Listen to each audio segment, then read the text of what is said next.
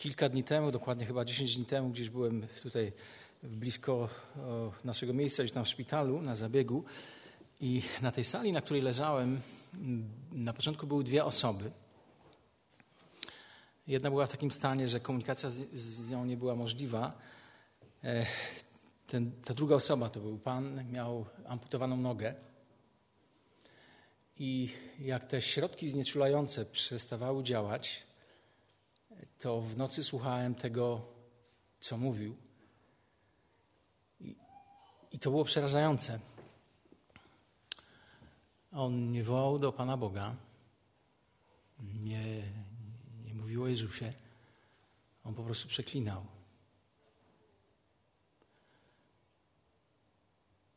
Pamiętam, że na drugi dzień próbowałem mu trochę pomóc wstawać, tak żeby mógł przysunąć trochę to biurko, na którym było jedzenie. I pomyślałem, co mogę zrobić. E, zawsze jestem uzbrojony w płyty z reportażami, ale ten człowiek był bezdomny. Miałem pojedynczą e, taką kopię Nowego Testamentu. E, dałem mu ją. On powiedział, że on nie ma okularów. Żałuję jednej rzeczy, że w tym Nowym Testamencie nie zostawiłem swojego telefonu.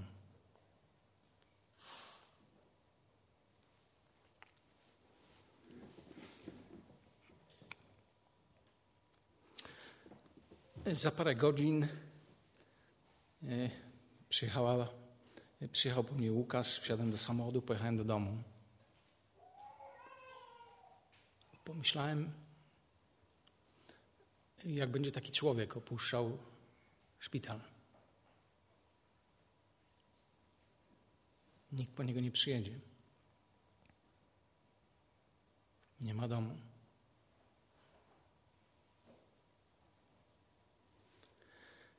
Nie wiem go, czy go kiedykolwiek spotkam. Ale mm, wiem, że jedną rzecz, którą mogę zrobić, to mogę się o niego modlić. Wyobraźmy sobie jesienną szarugę. Silny wiatr, drzewa już pozbawione liści, śnieg pomieszany z deszczem, zacinający nam w twarz. I na drodze jest dwóch ludzi. I gdy patrzysz na jednego z nich, to widzisz, że to jest człowiek, który idzie, ale w tym sposobie, jak idzie, w jego ruchach, widzisz beznadzieję. Widzisz rezygnację. Ta sama droga, te same warunki. Drugi człowiek. I tak samo siecze mu w twarz ten deszcz pomieszany z kawałkami zamarzającego śniegu. Ale gdy jesteś blisko tego drugiego, to widzisz, że słyszysz, że on nawet w tych warunkach nuci sobie jakąś piosenkę, co sprawia różnicę. Co sprawia, że w tych samych warunkach tak w zupełnie różny sposób reagują. Wiesz, ten drugi idzie do domu. On wie, że ma dom. Że tam są ludzie, którzy na niego czekają i którzy go kochają. Ten pierwszy idzie tak jak idzie, dlatego że nie ma domu. I myślę, że życie, w jakim, jakie oglądamy, w jaki, jakiego jesteśmy częścią, jak będziemy w coraz większej części oglądać, nie będzie łatwe. Ale myślę, że te takie ekstremalne, e, specjalne odcinki pokazują, czy idziesz do domu, czy idziesz ze świadomością tego, że naprawdę nie wiesz, dokąd idziesz. I dlatego jest depresja, rezygnacja, zniechęcenie. Czy masz dom, do którego idziesz? Dwa tygodnie temu mówiłem o dramacie życia, a dzisiaj chciałbym powiedzieć trochę o znakach nowego życia, o smaku nowego życia, o charakterystyce, o czymś, co charakteryzuje to nowe życie, które przynosi Jezus. To nowe życie wiąże się ze sobą Jezusa Chrystusa i z Ewangelią. I ta Ewangelia jest mocą Bożą, która przynosi to nowe życie. Karol Marx w swojej pracy na temat Feuerbacha napisał takie zdanie: Filozofowie interpretowali świat. Sprawa polega na tym, żeby go zmienić. Razem z Fryderykiem Engelsem wezwali w, ludzi w manifestie komunistycznym do szczególnej misji. Powiedzieli: Macie przed sobą świat, który należy, który macie zdobyć. Wiemy, jak to zdobywanie wyglądało i wygląda, ale jedna rzecz jest pewna: świat potrzebuje zmiany. I my, jako uczniowie Jezusa, posłuszni Jego wielkiemu nakazowi ewangelizacyjnemu, spełniamy ten cel zmiany świata poprzez miłość.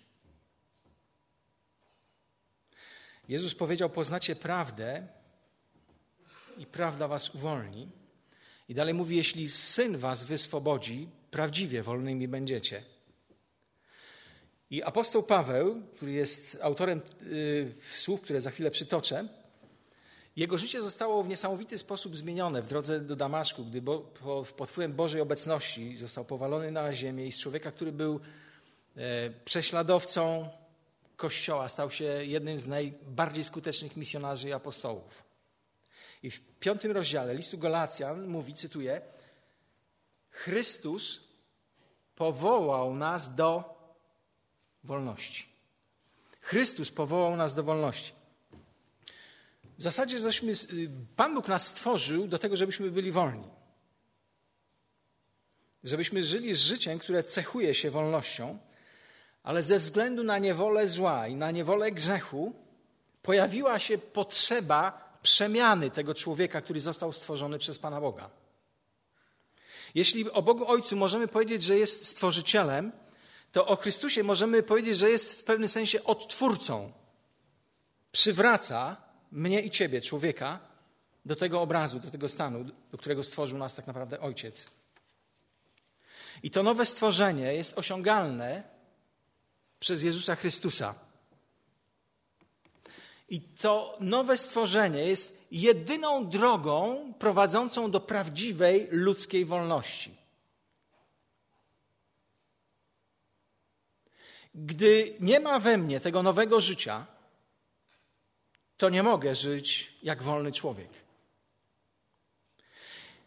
I Boże Słowo w różny sposób mówi i używa różnych obrazów, żeby pokazać tą przemianę, to nowe stworzenie. Mówi o zbawieniu, mówi o odkupieniu, o odrodzeniu, o narodzeniu się na nowo. Chodzi o co? Chrystus uwolnił nas i dalej apostoł dodaje, po co on to zrobił? Po co nas uwolnił?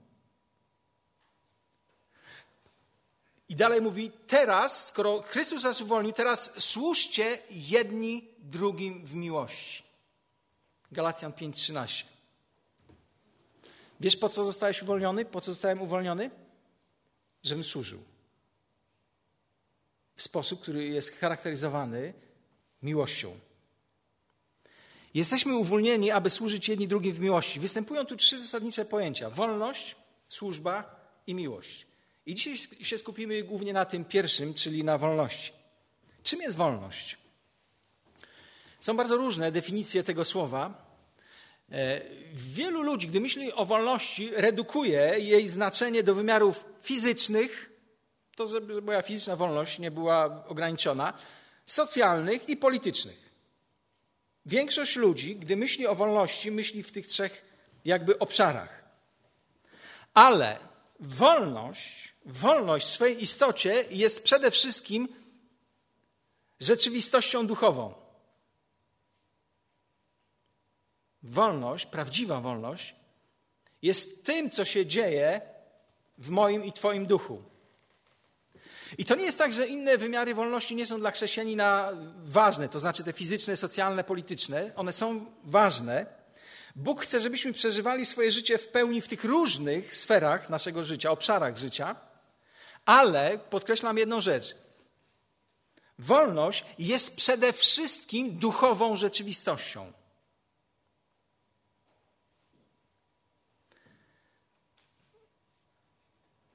Wolność nie oznacza anarchii.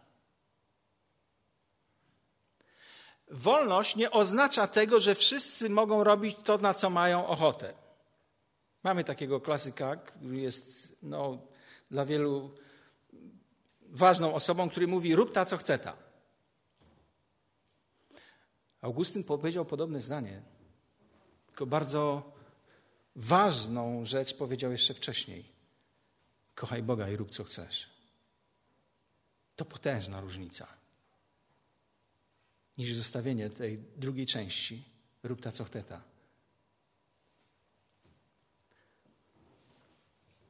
Moja wolność musi gwarantować Twoją wolność. Dlaczego? Dlatego, że nikt z nas nie żyje na samotnej wyspie. Zostaliśmy stworzeni do społeczności. Francuski myśliciel, socjolog, polityk Alexis Tocqueville powiedział takie zdanie: Wolność człowieka kończy się tam, gdzie zaczyna się wolność drugiego człowieka. Wolność człowieka kończy się tam, gdzie zaczyna się wolność drugiego człowieka. Czyli musi być w tej właściwie rozumianej wolności obecna troska o, wspólno, o wspólne dobro, o dobro drugiego człowieka. I dlatego musimy na nowo zdefiniować te podstawowe pojęcia. Biblia musi dać nową perspektywę naszemu myśleniu, również temu, jak postrzegamy i jak patrzymy na wolność. Biblia bardzo często mówi o przykładach uwolnienia. Takim jednym, takim wielkim obrazem uwolnienia, jeśli chodzi o Stary Testament, to jest naród izraelski, niewola.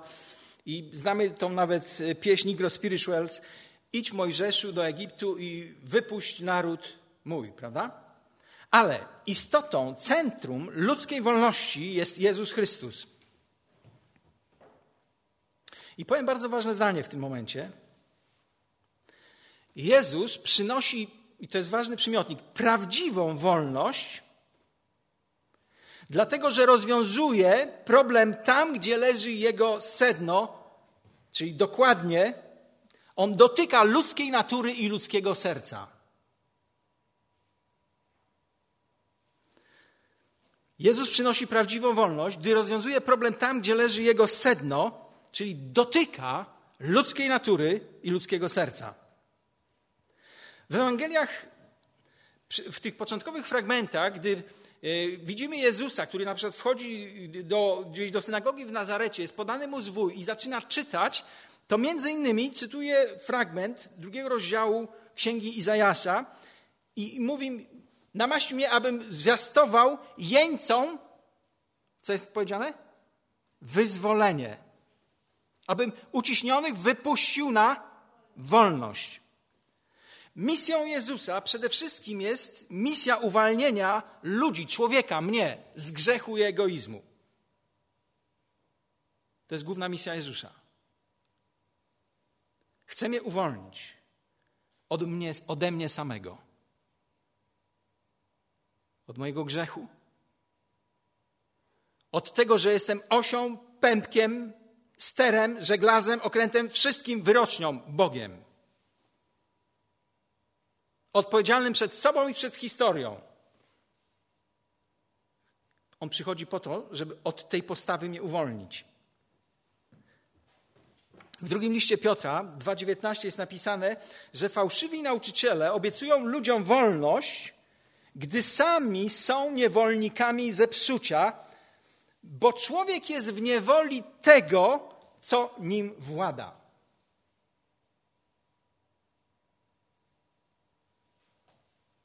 Zauważmy, że wolność, wolność, którą przynosi Jezus, o której mówi Jezus, przeciwstawia się ludzkiemu zepsuciu. Zawsze.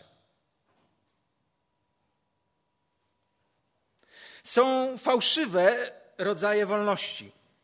I ta fałszywa wolność może być rozpoznana przez to, że zawsze, zawsze fałszywe rozumienie wolności, fałszywie rozumiana wolność zawsze prowadzi do zepsucia, do korupcji, do niewoli, do koncentrowania się na sobie i wyłącznie na sobie. Jeżeli taką masz koncepcję wolności, to nie masz prawdziwej wolności. Jesteś w najgorszej niewoli siebie samego i tego, co ci się chce, tego, co ci się należy. Każdemu potrafimy powiedzieć nie, z wyjątkiem jednej osoby sobie. I przychodzi po to Chrystus, żeby od tego mnie uwolnić, ode mnie samego. I kiedy mówimy o nadużywaniu wolności, a możemy ten problem widzieć w całym świecie, to myślę, że żeby to zrozumieć, to musimy się cofnąć do początku historii, do naszych prarodziców. Co się tam stało? Co zrobili nasi prarodzice? Nadużyli wolności. Nadużyli wolności. Konsekwencja upadek człowieka, upadek ludzkości. I nadużywanie wolności często, najczęściej wynika z egoizmu człowieka.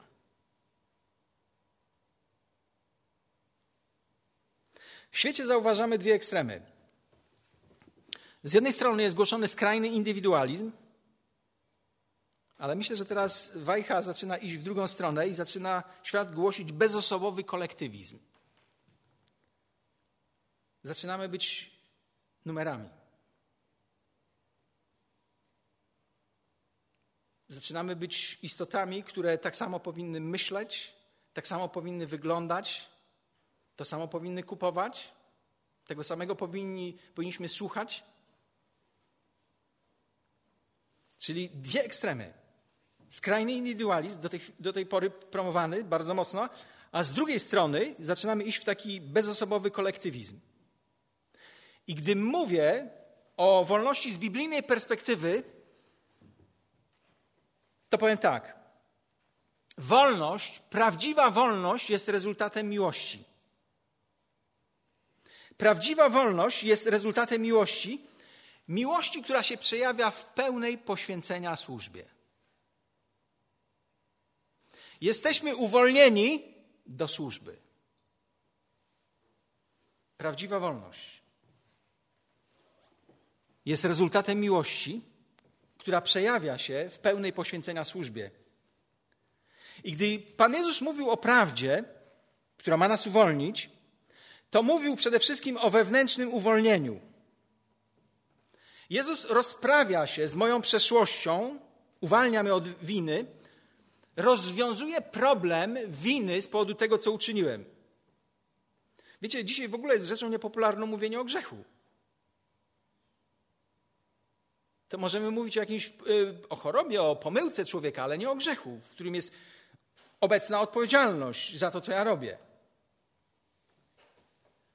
Jezus rozprawia się z naszą przeszłością, uwalnia mnie od winy. Jezus uwalnia się, Jezus rozprawia się z, z moją teraźniejszością. Dlaczego? Bo pozwala mi uwolnić się od mocy grzechu. Od tego, żebym był ja najważniejszy. On mnie chce uwolnić ode mnie samego. I po trzecie, Jezus uwalnia mnie, jeśli chodzi o przyszłość jest kara za grzech. Zapłatą za grzech jest śmierć. Czyli Jezus uwalnia mnie jakby w takich trzech płaszczyznach. Jeśli chodzi o przeszłość, to uwalnia mnie od świadomości, od faktu winy. Jeśli chodzi o teraźniejszość, uwalnia mnie od panowania grzechu. Jeśli chodzi o przyszłość, uwalnia mnie od kary za grzech. Ale przede wszystkim to uwolnienie, o którym mówi Jezus, jest uwolnieniem od grzechu, o którym mówimy, że dzisiaj w naszym świecie, że on w ogóle nie istnieje. Że to jest wymysł kaznodziei, który zapewnia im stałą pracę i dobry dochód. Tak dzisiaj się definiuje grzech. Apostoł Paweł w liście do Rzymian 5:18 mówi tak: Zostaliście uwolnieni od grzechu I dalej, i staliście się niewolnikami sprawiedliwości. Dlatego też wolność, o której mówi Boże Słowo, to nie jest wolność tylko od czegoś, od grzechu, od zniewolenia, od, od winy, od kary za grzech, ale to jest wolność ku czemuś, do czegoś. My o wolności zwykle myślimy w tej perspektywie, że jesteśmy uwolnieni od czegoś. Ale gdy Biblia mówi o wolności, to mówi o takich dwóch bardzo ważnych aspektach, że uwalnia mnie Bóg od czegoś ku czemuś, do czegoś. I życie z Chrystusem jest inne, gdyż zostaliśmy uwolnieni od starego życia i zostałem uzdolniony, wyposażony do nowego życia.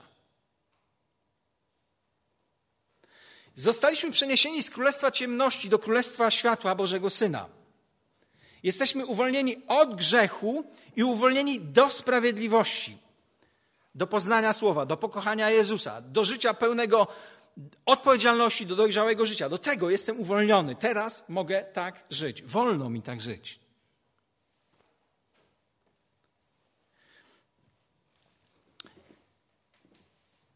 I można o tym mówić w takich dwóch trybach. Jest to tryb rozkazujący i oznajmujący. Tryb oznajmujący używany jest do tego, aby określić to, co Chrystus już uczynił. To jest historia Jego narodzin, życia, śmierci, ukrzyżowania, zmartwychwstania. Nie ma jakiejś prywatnej Ewangelii. Nikt nie ma takiej Ewangelii. Jest tylko jedna Ewangelia i to jest Ewangelia Jezusa Chrystusa. On jest centrum chrześcijaństwa. Bez Jezusa nie ma chrześcijaństwa. I w trybie oznajmującym, o którym już wspomniałem, napisana jest cała historia życia Jezusa. O tym, co uczynił, i to zwiastujemy. Możemy to nazwać teologią, doktryną. Ale prowadzi, ta nauka o Jezusie prowadzi do nowego życia, do imperatywu, do rozkazu, do nakazu nowego życia. Prowadzi nas od, to od, do nowego życia, Dlatego musimy przejść od dogmatyki do etyki, od tego, co Jezus zrobił, do tego, co ja mam robić. I ta kolejność jest bardzo ważna. Bo niemożliwe jest dla mnie, ani dla nikogo z nas, dla żadnego człowieka, żeby żyć tym nowym życiem. Moc otrzymujemy od Niego. To zmienione życie jest możliwe dzięki Niemu. To On uzdalnia do tego nowego życia do zwycięskiego życia. Dlaczego? Bo to On pokonał zło i grzech. Moc zła. I ten kulminacyjny punkt w ludzkiej historii już się wydarzył. Miał miejsce. Jest nim zmartwychwstanie Jezusa. To już się wydarzyło. To zaistniało. I od tego momentu żyjemy w czasie, który pismo nazywa czasem ostatecznym. I to nowe życie które przynosi Jezus, według Nowego Testamentu można określić jednym zdaniem. Jest to życie w duchu. To nowe życie to życie w duchu. Po wniebowstąpieniu Jezusa, teraz Duch Święty reprezentuje dzieła Jezusa. To Duch Święty teraz kontynuuje służbę zmartwychwstałego Jezusa, który jest ze swoim Ojcem. I czyni w jaki sposób to robi? Poprzez zamieszkanie w człowieku, poprzez uzdolnienie mnie i ciebie do nowego życia, poprzez przekonywanie mnie o grzechu, poprzez przynoszenie owoców w moim życiu, nie mojego nawróconego ja. To jest owoc Ducha Świętego. I wiemy, czym to życie się charakteryzuje, gdy przeczytamy list do Galacjan. I w piątym rozdziale tego listu tam są takie dwie części. Od 1 do 12 te wersety mówią o wolności, która jest w Chrystusie, a od 13 do 26 mamy opis tego nowego życia, które jest w Chrystusie. Życie w Chrystusie zawsze pociąga ze sobą rozwój. Jest to proces, a każdy proces potrzebuje czasu. I nawrócenie to jest przeżycie, to jest wydarzenie, w którym Jezus ciebie uwalnia. Obdarza cię wolnością. Ale na tym chrześcijańskie życie się nie kończy. To dopiero początek, to chwila startu, to wyjście z bloków chrześcijańskiego życia. Od tego momentu mam iść dalej. Rodzisz się na nowo, a co to oznacza? Że musisz rosnąć. Jak się maluszek urodzi, to on się rozwija, wzrasta. Ten wzrost, to życie w duchu nazywane jest w Piśmie Świętym uświęceniem. Ważne zdanie. Ludzie się spierają o to, jak wygląda życie w duchu. Powiem krótko. To życie, to życie pod władzą, pod panowaniem Jezusa Chrystusa. Chcesz wiedzieć, jak wygląda życie w Duchu Świętym? To życie pod władzą i pod panowaniem Ducha Świętego. Życie w duchu to życie pod władzą, panowaniem również Jezusa Chrystusa. Masz nowego Pana. Mówiłem poprzednio o tym, że był, że taki obraz tam dwa tygodnie temu używaliśmy, że wynajmowałeś pomieszczenie. I ten, który ci to wynajmował, doprowadził praktycznie do, do tragedii twoje życie, zadłużył cię i nie było żadnego wyjścia. Ale pojawił się nowy Pan, który ciebie uwolnił. Wszystko może zacząć od nowa. I teraz masz nowego Pana, nowego właściciela, to Jezus. I, I, bardzo ważna rzecz. Ten nowy Pan chce być Panem całego Twojego i mojego życia. Nie mogę dzielić władzy nad swoim życiem z nowym Panem.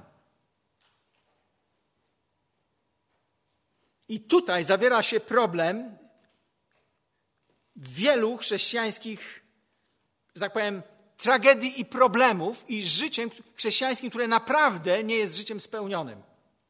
Dlatego, że my próbujemy dzielić władzę nad swoim życiem pomiędzy siebie a pomiędzy Jezusa.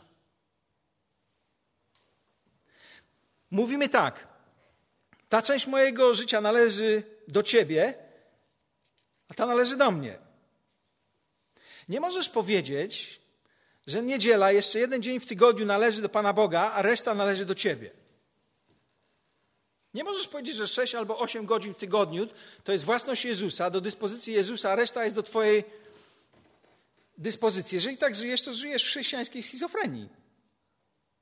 To jest niemożliwe. Nie możesz powiedzieć, moje emocje należą do Pana Boga, ale e, mój intelekt należy do mnie będę robił z nim to, co będę chciał robić. To jest niemożliwe, żeby żyć w ten sposób i nie być rozdartym. I tak jak powiedziałem, wśród nas jest, wokół nas, w chrześcijańskim świecie jest zbyt wiele chrześcijańskiej schizofrenii. I tworzy to wiele problemów. Wielu chrześcijan cierpi na takie e, rozdwojenie osobowości. I to pociąga za sobą konflikty. I nie cieszą się życiem, ani pokojem, ani nie żyją pełnią życia. Są rozdarci. Powodem tej sytuacji jest to, że jako chrześcijanie często nie odkrywamy pełnego wyzwolenia, które mamy w Chrystusie. I bardzo ważne zdanie. Bardzo często nie odkrywamy, że pełne wyzwolenie przejawia się w pełnym poddaniu Jezusowi. Wiesz, kiedy jestem najbardziej wolny? Kiedy jestem najbardziej oddany Jezusowi. Kiedy jestem najbardziej posłuszny Jezusowi. W ten czas jestem naprawdę wolny. Wiesz dlaczego? Bo On mnie stworzył. I, I On wie, jak żyć. Tylko On wie, jak żyć. I gdy go słucham w taki totalny sposób, zaczynam doznawać pełni życia. Zaczynam być sobą. Zaczynam być tym, do czego mnie stworzył. To brzmi jak paradoks, jak zaprzeczenie, ale prawdą jest, że im pełniej Jezus jest Panem mojego życia, tym bardziej staje się wolny.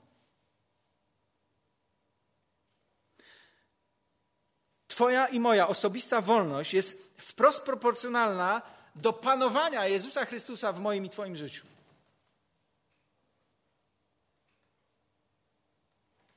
Jeden z największych reformatorów, Abraham Kipper, filozof, teolog, dziennikarz, premier Holandii, gdy się urodził, miał nieproporcjonalnie dużą głowę.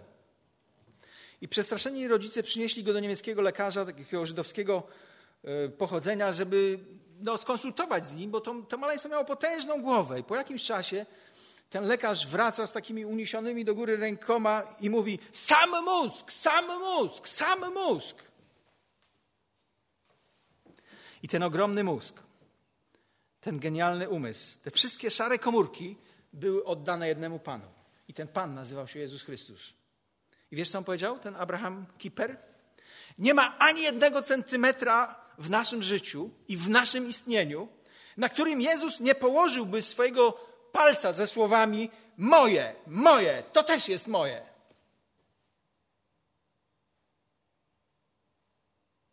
I gdy tak żyję, jestem wolnym człowiekiem.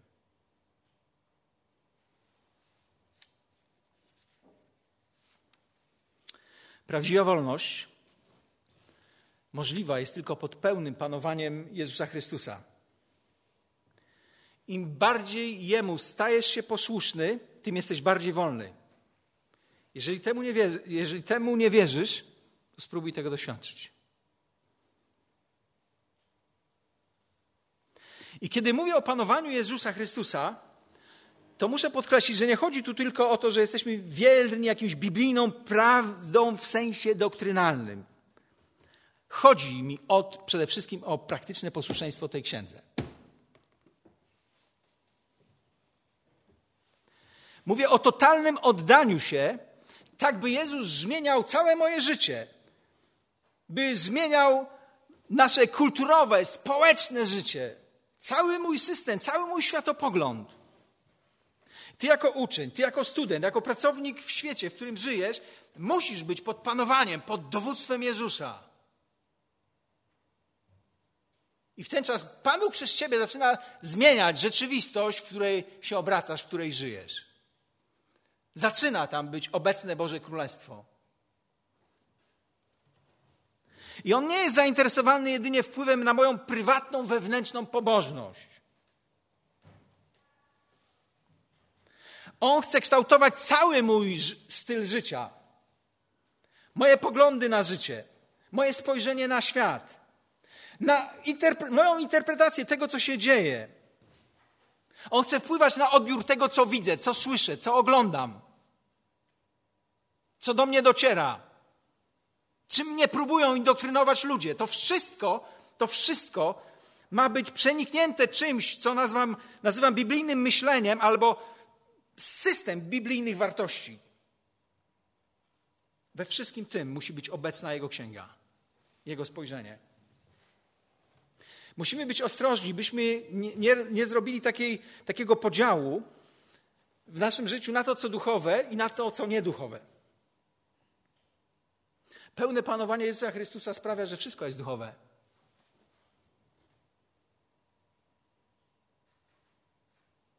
Gdy na serio idziesz za Jezusem, to nie ma takiego podziału, że część rzeczy w moim i Twoim życiu jest duchowa, a część nieduchowa. Nie, wszystko jest duchowe.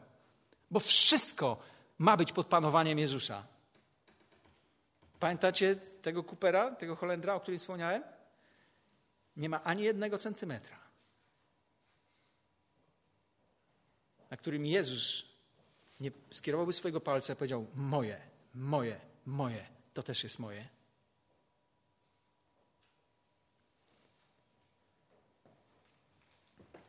Pełne panowanie Jezusa, tak powiedziałem, sprawia, że wszystko należy do tej duchowej rzeczywistości. I On, Jezus, uwalnia mnie, abym kochał, naprawdę kochał.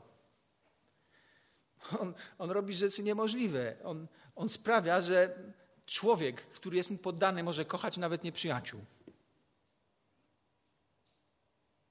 To jest częścią imperatywu tego nakazu Ewangelii. Nie mamy wystarczającej ilości czasu, ażeby przyjrzeć się bliżej dynamice zależności między wolnością i miłością. Małżeństwo jest tego dobrym przykładem. Tam, gdzie jest więcej miłości, tam jest więcej zaufania. A gdzie jest więcej zaufania, to jest więcej wolności. Zgadza się? Oczywiście wolności właściwie rozumianej. Czyli prawdziwa wolność prowadzi do prawdziwej miłości, tak samo jak prawdziwa miłość prowadzi do prawdziwej wolności. Ale o tym już powiemy przy, przy kolejnym spotkaniu. Nie chcę za dużo mówić. Przypomnę, że mówiliśmy o znakach nowego życia, o tym, że zostaliśmy uwolnieni do tego, by służyć w miłości. I skoncentrowaliśmy się dzisiaj trochę bardziej na zdefiniowaniu i zrozumieniu tego słowa wolność z tej biblijnej perspektywy. Powiedzieliśmy o tym, że Jezus przyszedł, aby nas uwolnić, że ta prawda, którą On jest, wiecie, to, to też nie jest prawdą, że prawda nas uwolnia jako, jako, jako prawda, że 2 do 2 jest 4 to nas uwalnia. No nie wiem, może nas uwalnia od błędów matematycznych, ale nie o, o tym mówi tu Jezus. Ale Jezus jest prawdą. I Jezus uwalnia mnie przede wszystkim od grzechu. Jeśli chodzi o przeszłość, rozprawia się z świadomością, z faktem mojej winy. Jeśli chodzi o teraźniejszość, uwalnia mnie od przymusu grzechu, od tej postawy ja Pan, ja władca swojego życia. I uwalnia mnie, jeśli chodzi o przyszłość, od kary za grzech. I podzieliśmy również, że za ta wolność, którą przynosi Jezus, to jest nie wolność tylko od uwolnienia od czegoś, od grzechu i jego konsekwencji, ale jest uwolnieniem do czegoś, ku czemuś. I powiedzieliśmy, że życie w duchu to jakie to jest życie? Pod władzą, pod panowaniem Jezusa Chrystusa. Jeżeli chcesz znać odpowiedź, czy Twoje życie jest pod wpływem, pod, jest kontrolowane przez Ducha Świętego, to bardzo prosto, prosty test. Czy jest pod władzą, czy jest pod, pod panowaniem Jezusa Chrystusa.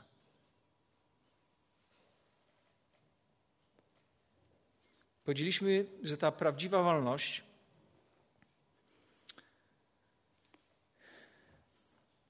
jest sprzężona z miłością. Prawdziwa wolność prowadzi do miłości. Prawdziwa miłość przyprowadza mnie do wolności. Powiedziałem, że nie możemy żyć w takiej schizofrenii, próbując podzielić nasze życie na to, co duchowe i na to, co, co nieduchowe. Nie ma ani jednego centymetra w moim i Twoim życiu, na które Jezus nie kieruje swojego palca i nie mówi moje. I gdy tak żyjesz, żyjesz jak najbardziej wolny człowiek. I życzę takiego życia każdemu z nas. Amen.